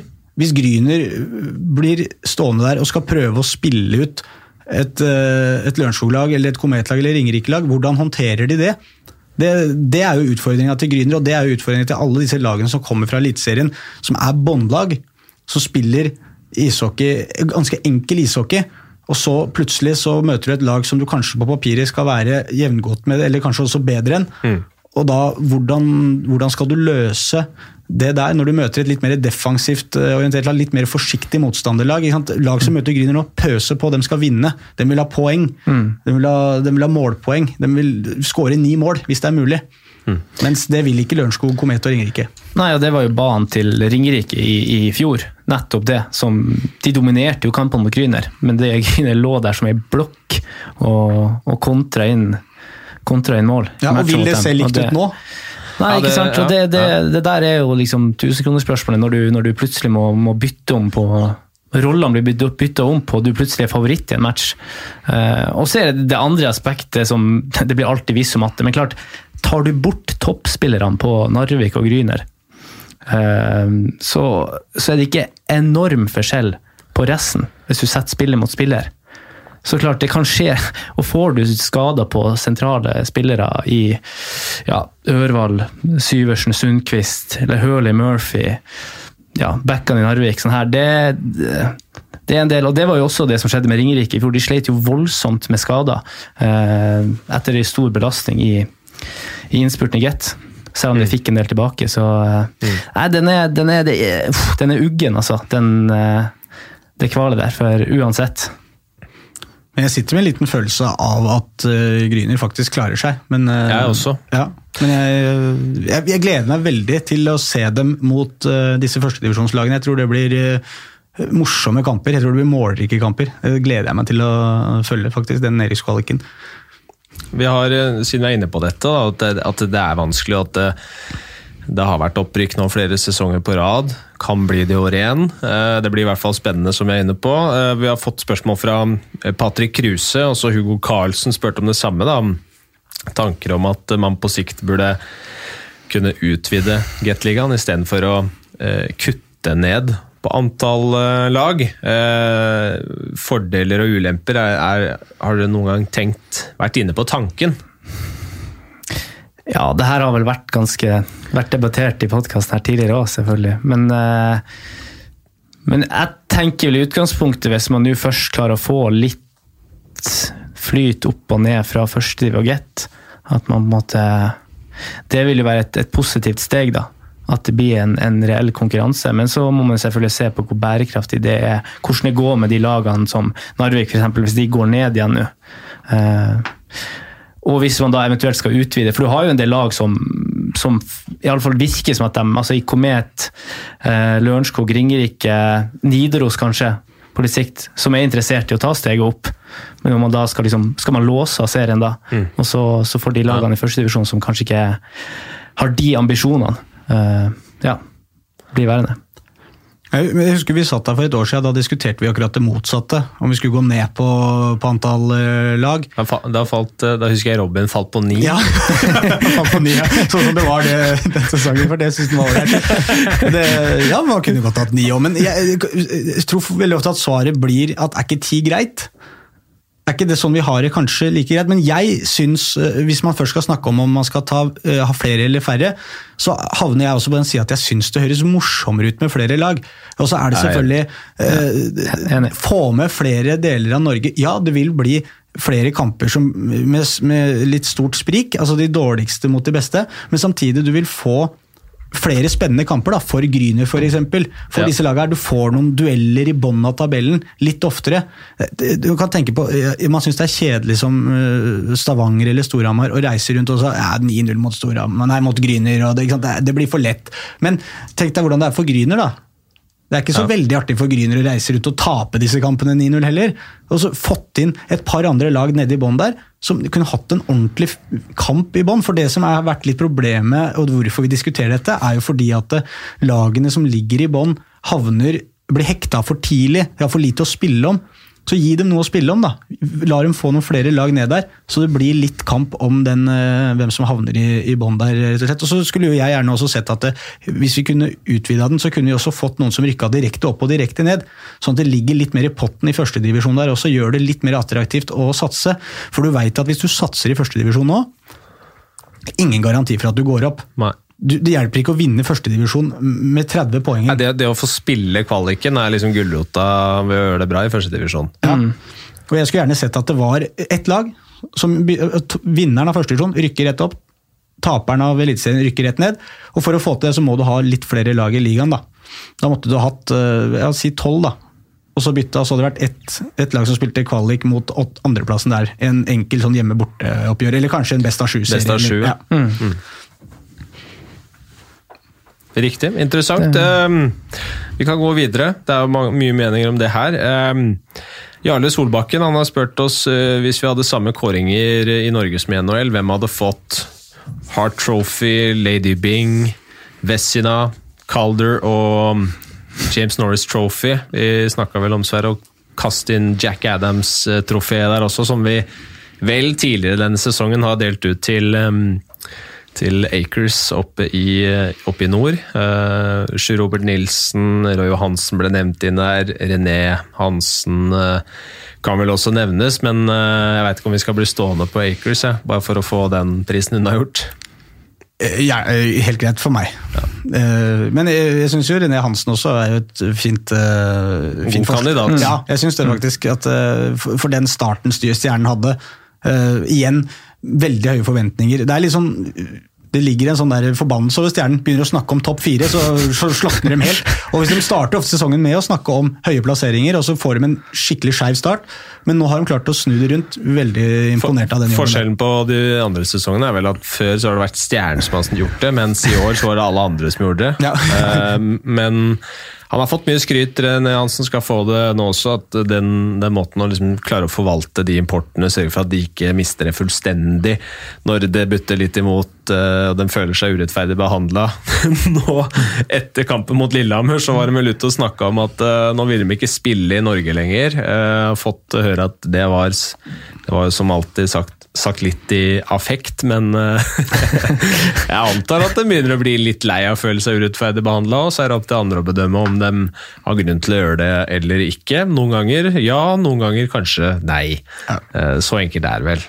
Um, Og så blir det litt sånn at Når det først øh, blir et tema, så forsvinner ikke det temaet like fort som det kommer opp igjen. Det, det blir vedvarende. Det, og det, er, det er bare fint, for da har vi noe å diskutere. Det, det er, men, men ja, øh, den jobben Og det er ikke bare å hente en god CV heller. Og tro at øh, jobben er gjort, vi har henta en god spiller. Det skal, han Spilleren skal inn i laget og passe inn og jobbes inn i det laget. og Det virker som at de har i år i denne sesongen klart i Stjernen, og det er bra. Skal vi ta Hart Trophy først, da? Det blir vel ligaens MVP. Uh... Ja, og mest betydning for laget er det vel også. Ja, størst betydning. Der eh, er vel for meg Patrick Thoresen Det er kanskje et litt kjedelig svar, men, men det han betyr for det Storhamar-laget, og spesielt med tanke på hvor avhengig de har vært av den første rekka Ja. med produksjon, så vanskelig å komme unna, iallfall. Alle lag har jo verdifulle spillere? Altså, som er verdifulle på et eller annet sett, men hvordan man skal bedømme dette her altså, i form av at Det finnes jo viktige spillere som Niklas Rost i Sparta, for eksempel, da, som er enormt viktig for det laget, men som ikke vil si er noen kandidat til å på en måte vinne en sånn pris når det kommer til hele ligaen. Så skal man da se mot topplagene, da, så har jo liksom Sajak og Thoresen, som er helt soleklare kandidater til å være som er, helt, som er kjempeviktige spillere. Så har du Tobias Lindstrøm i Vålerenga, da. Altså, Betydningen av å ha Tobias Lindstrøm i Vålerenga er enorm. Altså, han betyr kanskje mer for det Vålerenga-laget enn det eh, både Sajak gjør for Stavanger og det Thoresen gjør for Storhamar. Altså, det, han er i hvert fall helt der oppe og konkurrerer med dem. Ja. Jeg tenker Hvis man skal se på en sånn rolle, så må jeg tenke hvis vi hadde tatt ut en spiller av laget Tatt ut denne spilleren, hvilken liksom, impact hadde det hvem hatt? blir mest svekka, ja? Ja, og jeg tror at Sajak i Stavanger jeg tror de hadde klart seg bedre uh, uten Sajak. Det er selvfølgelig farlig å si, men, men del, Ja, det er jo egentlig helt vilt å si. Ja, det, det. men men en, en del som har tatt Thoresen ut hele sesongen fra Storhamar. Men i samme momentet der så kan du jo slenge inn David Boot òg, da. I Mardrustad. Ja, for all del. For all del. David Boot av Mardrustad, så, så er det ikke snakk om at det blir noe sluttspill. Nei, han er vel en like, like sterk kandidat, egentlig. Så det, det Ja. Nei, vanskelig. Uh, ja. Jeg vet ikke, Jonas, Så da kan du, du få har- bestemme, Jonas. Vær Du så god. Da skal jeg få bestemme. Ja. Jeg, har, eh, jeg har i hodet mitt hatt uh, Sajak, Uh, men det var mange gode argumenter her nå. Uh, Morley hadde vært klink eh, hvis han ikke hadde vært ute med skade. Eh, synd at han at, Nå vet jeg ikke hvor lenge har vært, han har vært ute, men han har mista en god del matcher. 31 kamper har han i øyeblikket, så han har i hvert fall mista 10-11 matcher da, den sesongen her. Um, Sajak han, har, altså, han, er, han er back, men han er overalt. Han, han dominerer kampene. Han er så god. Eh, vi, har, vi har jo fått spørsmål om hvordan vi skal liksom rangere Sajak mot Curran. Uh, sånn som det vi har sett i Gateligaen hele veien. Så vil jeg holde Sajak foran det Curran viste. Ja, Mens det Curran viste i sluttspillet, eh, er jo utenomjordisk. For meg så vil han, han ha en edge på Sajak inntil videre. Vi ser hva som skjer med fasit til hånd når han Curran skal vel til KHL kommende sesong også. Ehm, jeg er veldig enig i Patrick Thoresen også, men jeg faller ned på Sajak. Da kan du ta Sajak, da, så tar Sverre, du tar uh, Thoresen, og så kan jeg ta Lindstrøm. Ja. Ja, så får alle litt. Så får Booth sitte på den sure Steireplassen på Ja, fjerde. b- But er i år. Ja, okay. Vi har jo Lady Bing. Eh, husker jeg ikke helt eh, den engelske beskrivelsen her, men det skal vel både være Du skal ha levert meget godt på isen, men du skal også være en personlighet som folk ser opp til, og, og fair play og, og hele den pakka der, da. ja, så den er vel eh, Klink og Brian, er det ikke det vi ble enige om? Nei, den, den er jo vanskelig, og den går vel fort ofte til litt de her artistene, da. Ja. Ditt uh, umålig, utmålig Kissel. ja. Ja. Det er jo typer som, uh, som ikke er liksom uh, like mye innblanda i, gruffen. Sånn, de er jo annerledes spillertyper enn Patrick Thoresen. Det var veldig kult å høre på intervjuet med, med Patrick i Puckpodden til Hamar Arbeiderblad, eh, hvor han sier at de som, de som er overraska over at han spiller på kanten nå, de har ikke fulgt veldig bra med i karrieren hans, for det har han alltid gjort. Han har alltid vært, eh, vært en drittsekk ute på isen og mener at eh, det er sånn han må spille for å være god. Og det er selvfølgelig helt klart. Eh, samtidig så, så bli, blir det jo Du får et litt sånn stempel som, som altså Han er en soleklar hardt-kandidat, kanskje ikke en Lady Bing. Ja, det, men eh, bare litt sånn til O'Brien som vi lo litt av egentlig i forbindelse med dette her, men han har jo på en måte vist mange sider på utsiden av isen også, som, har, som på en måte kvalifiserer til litt dette her, da, hvis det handler om litt det uh, som ikke bare skjer på isen, hvis jeg tolka denne prisen riktig. Mm. Eller hvordan, hvordan er, Jeg kjenner ikke så godt til denne prisen. Nei, det tror ikke jeg noen av oss skal liksom kanskje eh, si at vi har eh, klink hvordan, hvordan kriteriene funker, men det går vel litt på en, en sportsmanship-spiller i stille, tillegg til at du, du har prestert bra. Men, Ja. men helt også for å, for å være litt seriøs på Brian, så er jo det det samme jeg har hørt. Og i tillegg, som, som vi snakket litt om, så har han jo åpenbart forandra seg fra starten. Ja. Du ser jo mange situasjoner tydelig der han på en måte, ja, Noen ganger går gardina ned, men ikke like ofte. ja, det må være lov også. Ja, det er lov å la gardinen gå ned. I hvert fall når jeg bor i Narvik midt på sommeren. Der er sol hele tida. Må jo dra ned rullegardina av og til. Ja, det Nei, jeg, jeg har ikke egentlig noe øh, Noen klar kandidat her, jeg, altså. Nei, vanskelig, som sagt. Og, men vi får liksom, nå er det vel ingen som kjenner de personlig Nei. godt om de betaler for en ekstra plastpose når de, når de handler i butikken. Men, uh, så vi får forholde oss til det som er på isen. Og da, Hvis det handler om good sportsmanship, så er det jo mye av det som på en måte foregår ute på, på isen her òg, da. Det er jo, Ja, ja. det, er jo det det egentlig går på. At du God sportsånd, rett og slett. Og det, det, er jo selvfølgelig mange kandidater der, som, men der sitter jo igjen alle klubber med sine uh, gode representanter for å få en sånn pris. Jeg syns det er vanskelig på en måte å skulle Når jeg ikke kjenner alle spillere så godt, så er det vanskelig å skulle fremheve Er, er noen av de beste spillerne du har sett i ligaen som liksom tenker han der ser ut som en jævlig fin type? Ja, David Boot, da. han kjenner jo bedre enn ja, mange andre. Det, så Da, da veit du liksom at det er en ålreit eh, fyr. Men ja, andre som du på en måte ja. Det må jo være noen av disse oppe i nord, kanskje. Der er jo alle hyggelige, da. Byrkjeland. Han er en hyggelig mann. Ja, men det, det er ikke ligaens beste Nei, spiller. Jeg, jeg, jeg har veldig sansen for den, bare. Ja, ja. Nei, skal, skal, vi stryke den? den er vanskelig. jeg syns Lady Bing var helt umulig. Ja. Vessina, da. Beste keeper. Eh, fem, er det vanskelig Der er òg Henrik Holm. Altså, når du Ja. Ja, men, men, du må jo nesten kaste inn Narvik-keeper Partan i diskusjonen, i hvert fall. Ja da, absolutt. Uh, ingen tvil om at han er en knallgod keeper. Skulle likt å sett den altså hva, hva, kunne han gjort i Stavanger og ellers, mm. f.eks.? Men det vil man jo ikke finne ut før om en, ja, I framtida, eventuelt. Ja. Nei, og det, og det, er det som er diskusjonen alltid når man snakker om keepere. Så, så har man en tendens til å ta dem litt ut av ligninga for hvordan laget har prestert. Ja. Og det at ja, men Henrik Holm har stått i, bak et kjempelag. Men klart han er en, en sterk bidragsyter til at de har levert en sånn, sånn sesong som de har. Én e, seier til, så har han vel uh flest seier i løpet av en sesong i Oilers sin historie. Jeg tror han aldri har hatt bedre tall i løpet av en sesong enn det han har nå. Eh, så det skal, det skal godt gjøres å utkonkurrere han, syns jeg. Vi har liksom mange sesonger så har det vært Holm, eh, Dalberg og Søberg som har liksom vært de tre.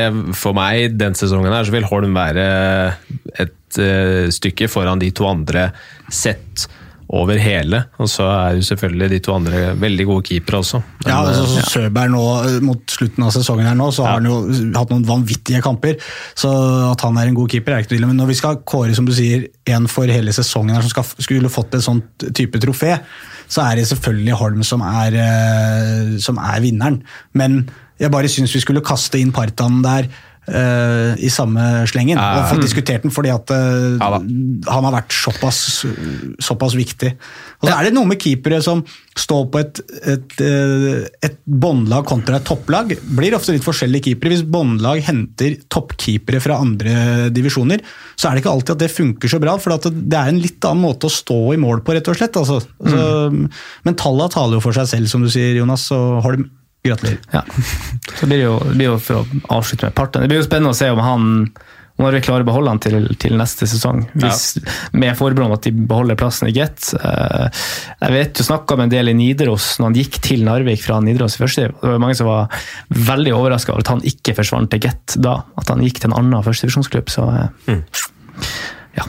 Det er vel helt sikkert noen som fortsatt er overraska over det. Det blir spennende å se. Det er nok flere andre Narvik-spillere som også er på radaren til andre klubber. Vi har fått et spørsmål om det òg. Vi begynner å gå litt tom for tid der. Eh, jeg har spart ett spørsmål helt til slutt som vi skal ta, men vi skal bare jobbe oss gjennom disse mm, prisene til, eh, til slutt. da, Med Kader Trophy det har vi vel lansert Ludvig Hoff som den soleklare kandidaten til å bli kåra til Rookie of the Year. I og med at han oppfyller de kravene. Jeg, jeg ser ikke helt noen som klarer å utfordre ham på det. Eh, er vel samme årskull som Falk Larsen, som har vært mm. enorm i Narvik-drakta, men han har for mange get-kamper før denne sesongen til å kunne bli vurdert til en sånn pris. Eh, og de kriteriene der. Så... Men Hva er kriteriene der? Er det at han, er det at han har bare at dette er første sesongen, eller skal det, er det noe med alder involvert her også? Ja, det er litt alder. skal vi se her. Eh, du må være under 24 år ved start av Gateligaen. Du må være norsk statsborger. Eh, og ikke spilt flere enn 40 Gateliga-kamper innen sesongstart. Mm. Så der, på den, ryker jo Falk Larsen. Ja. Ellers så hadde har- han nok fått eh, min pris.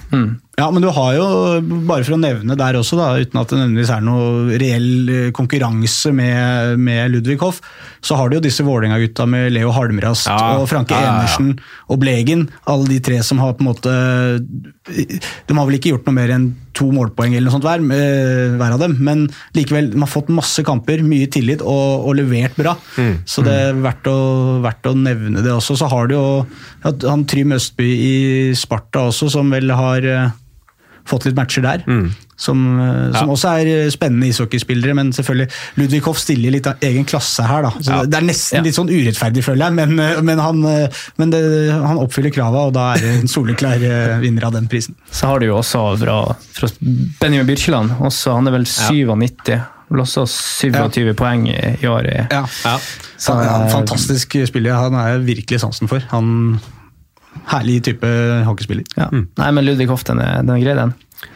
Norris Trophy, da. Var det beste back? Beck. ja. Ja, nå har vi Ble det Sajak eller Thoresen da på, på Heart? Jeg ga den til Sajak, men Så- eh, det er lov å mene annerledes òg, selv om Sajak høyt oppe der. Man, han blir vel liksom en sånn naturlig der også, men, men O'Brien og Prapavesis de har vært eh, knallgode, de også. Ja. Men eh, det er vel kanskje ikke til å komme unna at Jeg noterte Zajac- faktisk ned eh, Kalle Ekelund på Vålerenga også. Ja, selvfølgelig. Ja, selvfølgelig. Ja, også en nok en meget god sesong i Eliteserien. og Når vi snakker om viktigheten av spillere, da, Kalle Ekelund i Vålerenga også sammen med Lindstrøm, de to. Viktige, meget viktige spillere for Vålerenga. Og han har gjort en bra, det, en god del poeng også, Ekelund. 41 poeng. Ja. Han har to mindre enn Prapavesis. ja, ikke sant. Og han har ett mindre enn O'Brien igjen. Så, så er det Sajak da, som er ett poeng bak Thoresen eh, helt oppe i toppen der. Eh, Så er det selvfølgelig ikke bare målpoeng som skal bety noe Nei, for en Men dette er vel en pris men- med en defensiv spiller som viser på en måte god, gode kvaliteter over hele isen. Ja. Og da er jo den offensive delen også en viktig altså Det må være en spiller som bidrar offensivt, i hvert fall på et eller annet vis. Spesielt i moderne hockey. Skal du være en, en toppback, så må du være med å produsere også. Eh, Og der er jo, der er jo kanskje O'Brien, hvis vi snakker om han, defensivt en det, det, det er ikke til noen forkleinelse for Sajak, men, men kanskje enda mer eh, ja. ja, sterkere i det defensive spillet, O'Brien. Ja, Vi kan godt gi den til O'Brien, så vi ikke Skal vi, gjøre- skal vi gjøre det, da? Ja, vi gir til O'Brien. Ja, så vi får litt Men- variasjon her også. Eh, vi rangerer er de den? eh, da, da gir vi den fordi at, fordi at Sajak har fått det hardt, da. Ja, Så vi skal ikke gjøre det, vet du. Så, nei. Nei, vi, kan ikke, vi kan ikke gi Jeg må få det Sajak, Sajak. ja. Den, eh, Det går ikke an å gi Ja, den til andre. Sajak må få det. Ja. Skal vi se, Det har blitt en lang podkast, det her. Eh, For lang vil enkelte mene, for kort vil kanskje andre hevde. Eh, Jeg må ta et spørsmål til slutt. Eh, Jeg syns den var så fin, fra Trond Gråbekk. Som skriver det er en kjent realitet at Sparta i år kommer til å stikke av med bøtta. Så lurer på hvordan dere har tenkt til å feire dette. Blir det sjampis, eh, napoleonskake eller noe annet? Hvordan kommer du til å feire, Håkon, når Sparta vinner NM-gull? Når Sparta vinner eh, NM Jeg var ikke klar over at det var sånn det var, men det er klart hvis eh, Nei, når Sparta da tar bøtta, Ja. så nei, da blir det en Jeg tror det blir en lunka borg og en vaffel. Ja. Kan det, eller kanskje potetmos på Riksbar, eh, hvis den fortsatt er oppe og ruller der nede i Østfold. Der er det jo Norges beste potetmos. Så jeg tar med en borg, jeg, og så setter jeg meg utafor der og bestiller en potetmos til sommeren. Ja, Sjampis, det hørtes jo voldsomt jålete ut for Østfold. Nå er det vel Viken, eh, for å være Viken, presis her. Så da går det å drikke champagne, ja, mer aksept, i alle fall. Men eh, nei, hva- napoleonskake, da. Den er kanskje ikke Ja, litt uh Jeg skal unne meg Jeg er ikke noe kakefan, men jeg skal, jeg skal unne meg det hvis, hvis Sparta går og plukker den, ja. Ja, jeg føler jo, ja, ja. En napoleonskake, ja. Det er traust. men. Hva med deg, Jonas? Nei, jeg tipper, eh, tipper det har blitt napoleonskake på meg òg. Dere to, ja. Jeg, er, eh, jeg er mer fan av kake enn sjampis. Så ikke vaffel med meg på Riksbar. Eh. nei, jeg blir, jeg blir, blir, nei, jeg blir napoleonskake med, med Sverre for meg. Ja, og Der ringer jeg Tommy Kristiansen, ja, så setter vi oss og tar en uh, bayer uh, på brygga i Sarpsborg. Ja. Jeg tenkte jeg skulle høre, Sverre, altså, når vi er inne på liksom dette med feiring av NM-gull, hvordan ville et NM-gull til Narvik eh, blitt feira? Hvordan hadde det sett ut? Nei, det hadde vel vært å sprenge hele Nordkraft Arena i fillebiter. Bare ja. Sprengt den? Ja, det tror jeg. Lagt ned hele bedriften og ferdig med det. Ja, sånn, ja, ja, og begynt på nytt? Ja. Da har vi gjort det. Ja. Bandit skal vi prøve Skremme, Skremmende tanke, Jonas, men ja, noe sånt. Nei, det hadde vært Det hadde vært moro. Kanskje, kanskje det skjer. En gang i fremtida? Jeg kjenner at det er en fest jeg vil være med på. NM-gull til Narvik, da flyr jeg opp. Altså. Fly opp Dynamitt-Harry der og Ja, ja nei, det, det høres stort ut. Bedre hvis Malerstar skulle tatt det, kanskje. Da blir det vel fullt trøkk ned på Malersenteret, da. Ja, litt mye bebyggelse der for å fyre i lufta. Den, ja, det skal vi ikke. Nei, vi skal nei, ned på hylla, der har du vært, vet du. Ja da, ja da. Det. God stemning der. Ja, Vi får se hvordan det går. Eller vi får kanskje se hvor, hvor feil vi tar. Nå har vi prøvd å, å spå innspurten her. Ja, så feil kan vi jo ikke ta dette her. Nei da, men uh, hvilke kamper som Altså, hvor poengene ble henta og sånn, det har jeg en erfaring med at det pleier å bli fryktelig feil. Så vi får se. Hvordan ting ser ut til slutt, og hvem som velger hverandre i, i kvartfinalene. Det blir spennende. Innspurten Uh, starta for så vidt i, i går kveld med Vålerenga-seier hjemme mot Stavanger. Uh, fortsetter da i morgen kveld uh, med spennende kamper. Og så får vi ha et øye med hvordan ting skjer i, eller hva som skjer i første divisjon. Så skal vi ta runden av her. Det var veldig hyggelig å ha dere med, Sverre og Håkon. Veldig hyggelig å få komme, Jonas. Det var bare, det er bare å stålsette seg for en herlig innspurt på Eliteserien. Altså. Det gleder jeg meg. Ja, fryktelig. Det er ingen tvil om. Uh, og så har vi da oppfordring uh, til alle fremover, da, om at um, ikke tenk økonomi, tenk kun sport. og så avslutter vi med det, vel? Skål! Ja.